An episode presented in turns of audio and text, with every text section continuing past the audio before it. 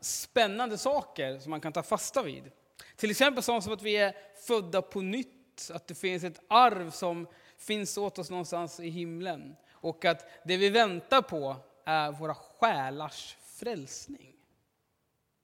Petrus skriver sitt brev för att ge tröst och hopp till läsarna.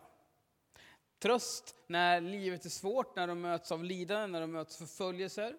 Hopp för att påminna dem om att det vi ser fram emot, det, som är, det vi bygger vårt liv på, det som är liksom värt något, det är inte enbart det vi kan se och ta på här och nu, utan det är någonting som också kommer senare. Det finns ett slutmål. Och han passar såklart också på att ge instruktioner och vägledning i hur ser livet som kristen ut? Hur ser livet som lärjunge ut? Petrus var ju en av lärjungarna. Och det är liksom, som alltid när det gäller brev och författarskap så finns det en diskussion, liksom, vem har skrivit det här egentligen. Men, men det finns mycket som tyder på att det är eh, lärjungen Petrus som har skrivit detta brev. Och han var ju en av lärjungarna. Och sen så här så beskriver han också för andra generationens lärjungar hur livet med Jesus ser ut. Det gör att det är högst relevant också för dig och mig att studera och läsa i Petrusbrevet. Därför vi får se någonting av vem Gud är, vi får se vem Sonen är, vi får se någonting också om vad livet som kristen innebär. Det första som han rör vid här, som jag tänker nämna i alla fall, det är att du är född på nytt. Det här är liksom, kanske om du är, är van med att vara i kyrkan, så är det här någonting som du har hört massor med gånger, att du är född på nytt. Om man talar om på nytt födelse och att liksom vi är nya människor tidigare. Men vad är det det handlar om egentligen? Ja, låt oss tänka på det lite. Han skriver så här, välsignad är vår Herre Jesu Kristi Gud och Far. I sin stora barmhärtighet har han genom Jesu Kristi uppståndelse från de döda fött oss på nytt till ett levande hopp. Vad är egentligen födseln? Alltså den fysiska födseln är ju på ett sätt början på livet. I alla fall början på livet utanför livmodern. Men det är liksom början. Och från den dagen så lever vi och, och, växer upp. Och är vi liksom under rätt omständigheter, att vi får så mat och syre och vatten och allt sånt som vi behöver. Och även som bebis behöver man liksom kärlek och närhet och så vidare. Men får vi det vi behöver så växer vi och liksom fortsätter leva. Födseln är starten. Det Bibeln talar om är att när vi tror på Jesus så blir vi födda på nytt. Vi blir födda en gång till. Men då är det uppenbart så att det är en annan typ av födsel än den fysiska. Man kan uttrycka det så här, att på nyttfödelsen innebär att vi är en ny skapelse på insidan. Det är ditt inre som föds på nytt. Det betyder att när du och jag följer Jesus, när vi tror på honom, när vi tar emot det han har gjort för oss på korset och i uppståndelsen, så blir vi födda på nytt. Och då är det något nytt som börjar. Vi är en ny skapelse.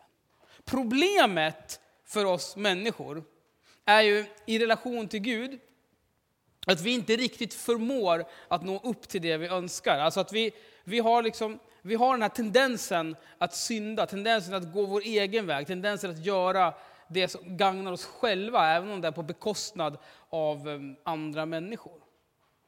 Den här tendensen finns med oss från början och den beror på att vi i grunden är liksom inte, om jag förstår inte vända upp mot Gud så här, utan liksom vända mot vårt inre. Vi är alltså till naturen lite självcentrerade. Och det här är liksom vårt grundproblem kan man säga. Att vi försöker liksom själva bara bygga oss vår egen väg utan Gud. Och problemet är det slutar aldrig bra. Det kanske går bra ett tag, liksom, så att du så här, får ett bra jobb, har en snygg bil, har en trevlig swimmingpool eller vad som helst, vad du nu tycker är viktigt i livet. Så det är inte så att alla som inte tror på Gud har värdelösa liv. Det är inte det jag säger. Men i slutändan så leder det inte hela vägen hem. Och framförallt inte om vi vill leva i gemenskap med Gud. För den här synden i våra liv, det gör ju att vi inte närmar oss Gud fullt ut. Inte så att problemet sitter på Guds sida, så att han blir så här, vilka jobbiga äckliga människor.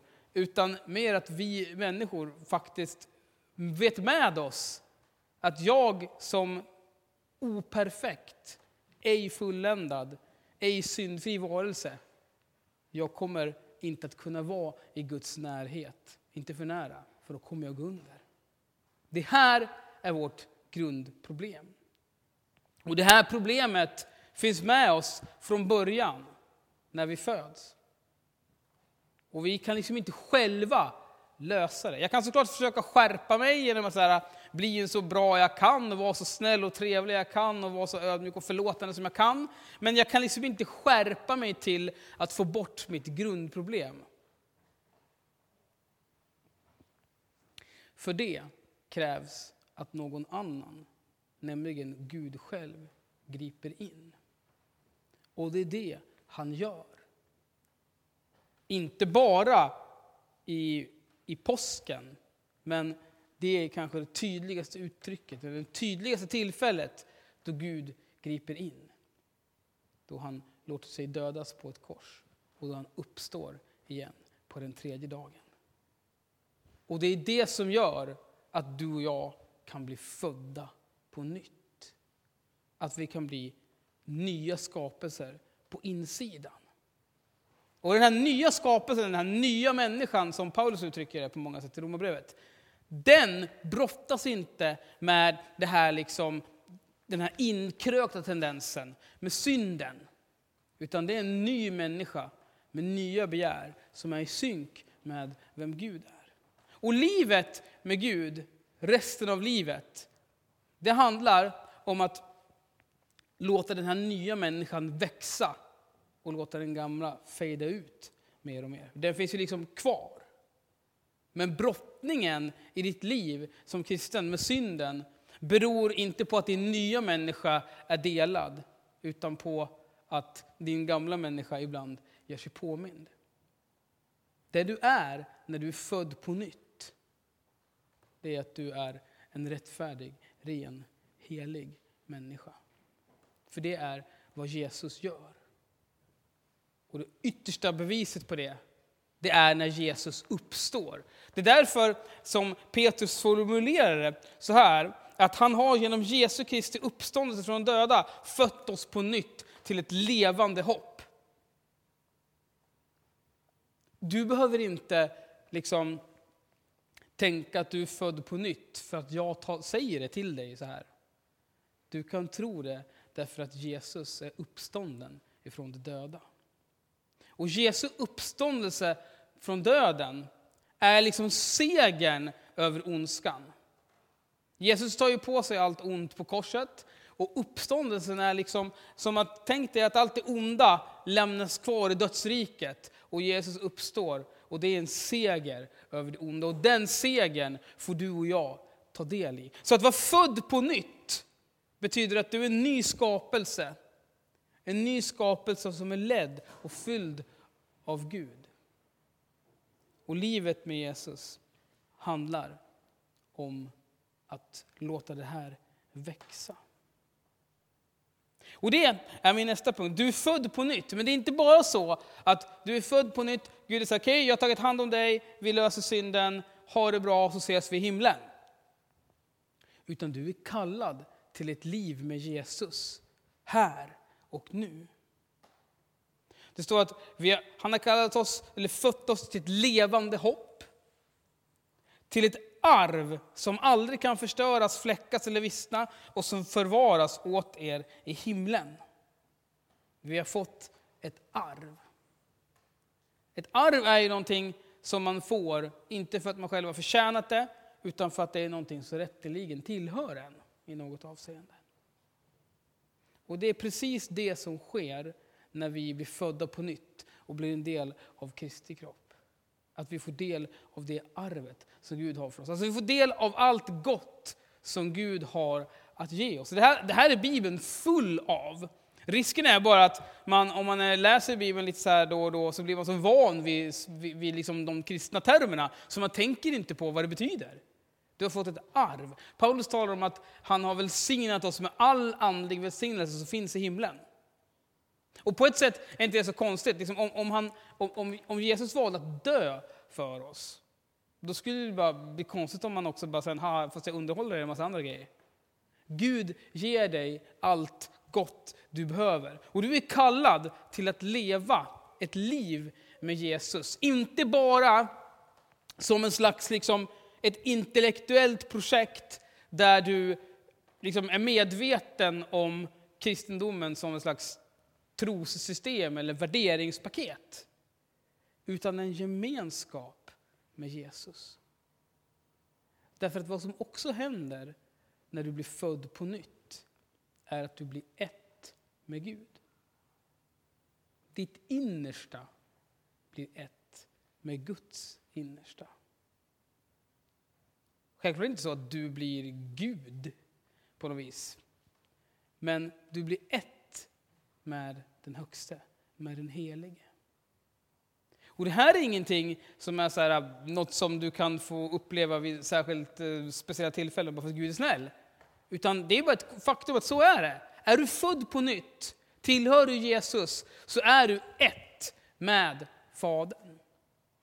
Och Det betyder att du har, har gemenskap med honom i ditt inre. På samma sätt som en god far liksom lyfter upp sitt barn, vill ha gemenskap med sitt barn och inte är så här, ja, en gång om dagen så får du sitta i mitt knä. Utan man tar ju liksom, om man är, givet att det är en normalt fungerande familjesituation, så, så, så, så, vill man ju vara med sitt barn hela tiden. Kanske tycker man så här, fy vad den skriker, vad jobbigt det är. Men sen så här, två minuter efter att den somnat så vill man typ väcka den för att man saknar den. Ungefär. Ungefär sån är Gud, om ni förstår mig rätt. Alltså att gemenskapen med Gud är något som kan vara på djupet. Och det här kan du och jag få växa in i. Du kan växa in i att när du läser Guds ord, när du ber till Gud och ber om hans, hans andes tilltal i ditt inre, så kan du lära dig känna igen Guds röst. Du kan lära dig känna igen att Gud pekar på vissa saker för dig i ditt liv. Gud talar till dig på ett personligt plan, inte bara på ett generellt plan så att du själv får så här, dra lite slutsatser, utan faktiskt på ett personligt plan så ger Gud dig tankar, impulser och intryck. Och Det här kan du och jag lära oss att ta emot och lära oss att förstå.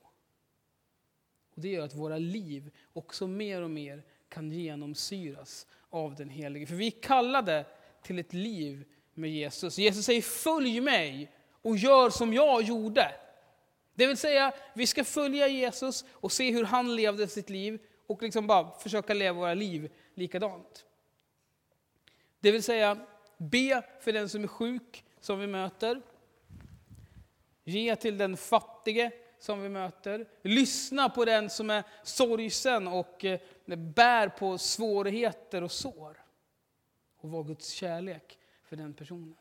Det är så vi är kallade att leva och i takt med att du och jag gör det mer och mer så kommer vi också se mer och mer, mer av vem Jesus är.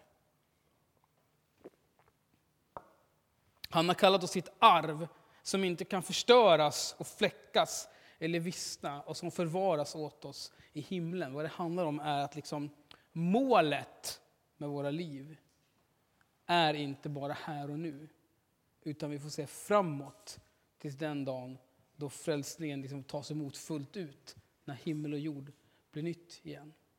Det betyder också att ingen kan ta ifrån dig det du har fått av Gud. Ingen människa kan liksom putta ut dig ur Guds famn. Och det finns heller inte liksom omständigheter i livet, eller i livet som gör att du liksom bara råkar trilla bort från Guds kärlek. För Gud håller dig till sig.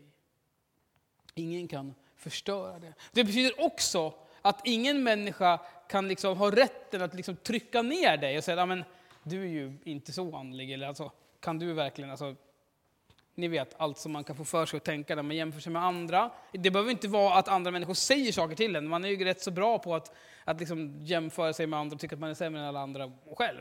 Eller man och man. Men eh, det är i alla fall inte så ovanligt förekommande att vi människor fungerar på det viset.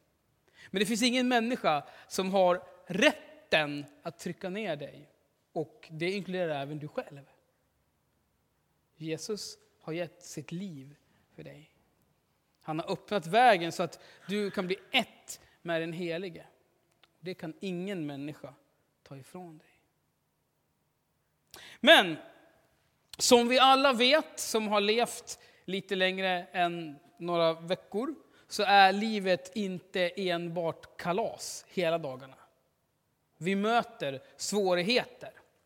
Och jag kan inte se att, att så vitt jag vet, att det är som en, som en jämn fördelning hur mycket svårigheter olika människor möter. Utan det verkar helt enkelt som att livet faktiskt är orättvist. Det kan mycket väl vara så att du har mött mycket fler och större svårigheter än vad jag har gjort. Det kan mycket väl vara så att svårigheterna som du har råkat ut för är i grunden väldigt orättvisa mot dig och inte beror på fel som du har gjort. Petrus ord i sitt brev till, till de han, han skriver handlar även om att även i svårigheterna så kan vi se någonting av Gud. Han säger så här i vers 6 och 7. Var därför glada, även om ni nu en liten tid måste utstå olika prövningar. Äktheten i er tro är långt mer värd än guld som är förgängligt men ändå prövas i eld. På samma sätt prövas er tro för att sedan bli till lov, pris och ära när Jesus Kristus uppenbarar sig. Var glada. Låter kanske lite överdrivet. Men vad det handlar om är att i svårigheter så avslöjas det vilka vi verkligen är. Det avslöjas vad du på riktigt sätter din tro till. När du råkar ut för en svårighet, kanske en, så här, en väldigt svår grej som bara träffar dig så här, bums, utan förberedelse. Hur du reagerar på det säger någonting om vem du är, om vad du har som grund i ditt liv. Och när, alltså, när, du går igenom en svårighet så kanske det inte är exakt just då som du ska sätta dig och analysera. Men när vi ser tillbaka så kommer svårigheter säga någonting om vilka vi är. Därför att svårigheter formar tron. När det talas om prövas så tror jag det är viktigt att poängtera att det handlar inte om att Gud sänder onda grejer i våra liv för att bara, nu ska jag kolla vad de går för. Det går att läsa Bibeln och dra sådana slutsatser. Men läser vi som helhet vad, vad, vad, Bibeln säger om Gud, om vi ser på hur Jesus agerar, för Jesus är ju liksom den som tydligast uppenbarar Gud för oss. Så tycker jag i alla fall att bilden är inte att Gud sänder det onda mot oss för att liksom vara dryg eller för att liksom sätta oss på prov. Däremot så prövas vår tro när vi möter svårigheter. Och vad det handlar om är inte att det är så här, ja, nu får vi se hur mycket du tror egentligen. Utan vad det handlar om är att det gör att det blir tydligt för oss vad vi egentligen tror på. Vad jag egentligen tror om Gud. Jag har ju liksom, jag har ju liksom, kanske har en jättebra teologi och jag kan så här, ge jättebra svar på varför svårigheter sker eller vad vi kan lära oss av svårigheter eller massa grejer inom teologin. Men när jag själv möter dem i mitt eget skinn, när det är jag som förlorar en närstående, eller när det är jag som, min, min ekonomi som går i kras, eller mitt äktenskap som spricker. Hur jag agerar då säger någonting om vem jag är och vad jag tror på. Och det är en möjlighet för, för oss att faktiskt växa. Inte för att Gud sänder lidandet, men Gud använder alltid allting. Det finns ingen ondska, ingen skit, inget lidande som Gud inte faktiskt kan vända så att det får en positiv spin-off-effekt. Därför så ska vi inte rygga för svårigheter. Vi ska liksom inte försöka låtsas om att vi inte har svårigheter eller försöka få ett liv som innebär så få motgångar som möjligt. Vi ska försöka följa Jesus dit han går, dit han sänder oss. Och vi ska veta att när svårigheter möter oss så är han med också där. Och också det är en möjlighet för oss till växt. Till att få en erfarenhet av en Gud som bär. Och som kanske gör att vi kommer ut på andra sidan lite starkare. Det finns ju i dagens läge skär och oroa sig för ganska mycket kan man ju tycka. Hela den här virushistorien eh, erbjuder ju en möjlighet till oro. Eh, så, vi vet ju inte hur framtiden kommer bli, vi vet inte hur den ekonomiska situationen kommer påverkas, vi vet inte hur våra arbeten kommer påverkas, vi vet liksom inte, ja. Det vet mycket vi inte vet, förutom att vi vet att det kommer vara en osäker framtid. Jag tillhör inte de som tror att Gud har sänt ehm, en virusepidemi för att eh, straffa oss eller för något, något skäl. Däremot så erbjuder du rent konkret också en möjlighet för dig och mig att reflektera kring vad är det viktigaste i mitt liv? När jag säger att det finns en risk att livet kommer att bli mycket svårare än vad det har varit tidigare i mitt liv, eller kanske vad det har varit för, för en generation innan oss. Vad är det jag värdesätter? Vad bygger jag mitt liv på? På samma sätt så erbjuder det en möjlighet för oss som församling att göra en motsvarande reflektion. När vi inte kanske kan fira gudstjänst på det sättet som vi brukar göra, när vi inte kan bjuda in till gemenskapskvällar som vi kanske brukar göra ibland, eller vad det nu är vi kan. Vad innebär det för oss att vara kyrka? Vad innebär det att vara en församlingsgemenskap? Vad är det viktigaste, det omistliga för oss? Det är också en reflektion och ett samtal som vi erbjuds att ha. Så ha gärna det med varandra vid kaffet eller så, om ni önskar. Vad är det viktigaste för oss som församling? Så du är född på nytt, du är kallad till ett liv med Jesus. Du kommer att möta svårigheter, men det kan vara en, en, en erbjudan att få tron formad. Och den sista punkten jag vill säga, det är att Gud är den som gör jobbet. Så du behöver inte ha prestationsångest. Du var inte delaktig när Gud blev människa. Du var inte delaktig när han dog på korset. Och du var inte delaktig när han uppväcktes på den tredje dagen. Vi kan bara passivt ta emot det Gud ger. Vi kan ta emot gåvan av liv. Vi kan ta emot gåvan av tro. Därför det är Gud som bär dig och ditt liv, inte tvärtom. Och det är Gud som bär din tro och inte tvärtom.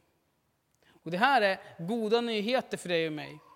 För det betyder att kristen tro, att leva som kristen, handlar inte om en prestation. Självklart är det också så att liksom, det finns ett ansvar. Gud kallar mig att liksom, ta det jag gör på allvar. Och det finns liksom, eh, Gud vill att jag ska bära frukt och, och så vidare. Men det är ingenting som jag gör i egen kraft. Utan det handlar om att låta Guds kraft strömma genom mig. Det är för det är Gud som gör jobbet. Det Petrus talar om mycket, det är att vi är kallade att ta emot det Jesus har gjort och liksom bara försöka låta det omsättas i våra egna liv. Och det är vad du och jag är kallade till på daglig basis. Att omsätta vår tro, vår relation till Jesus i hur vi bemöter andra människor, hur vi hanterar omständigheterna vi lever i och hur vi bygger våra liv. Låt oss be tillsammans.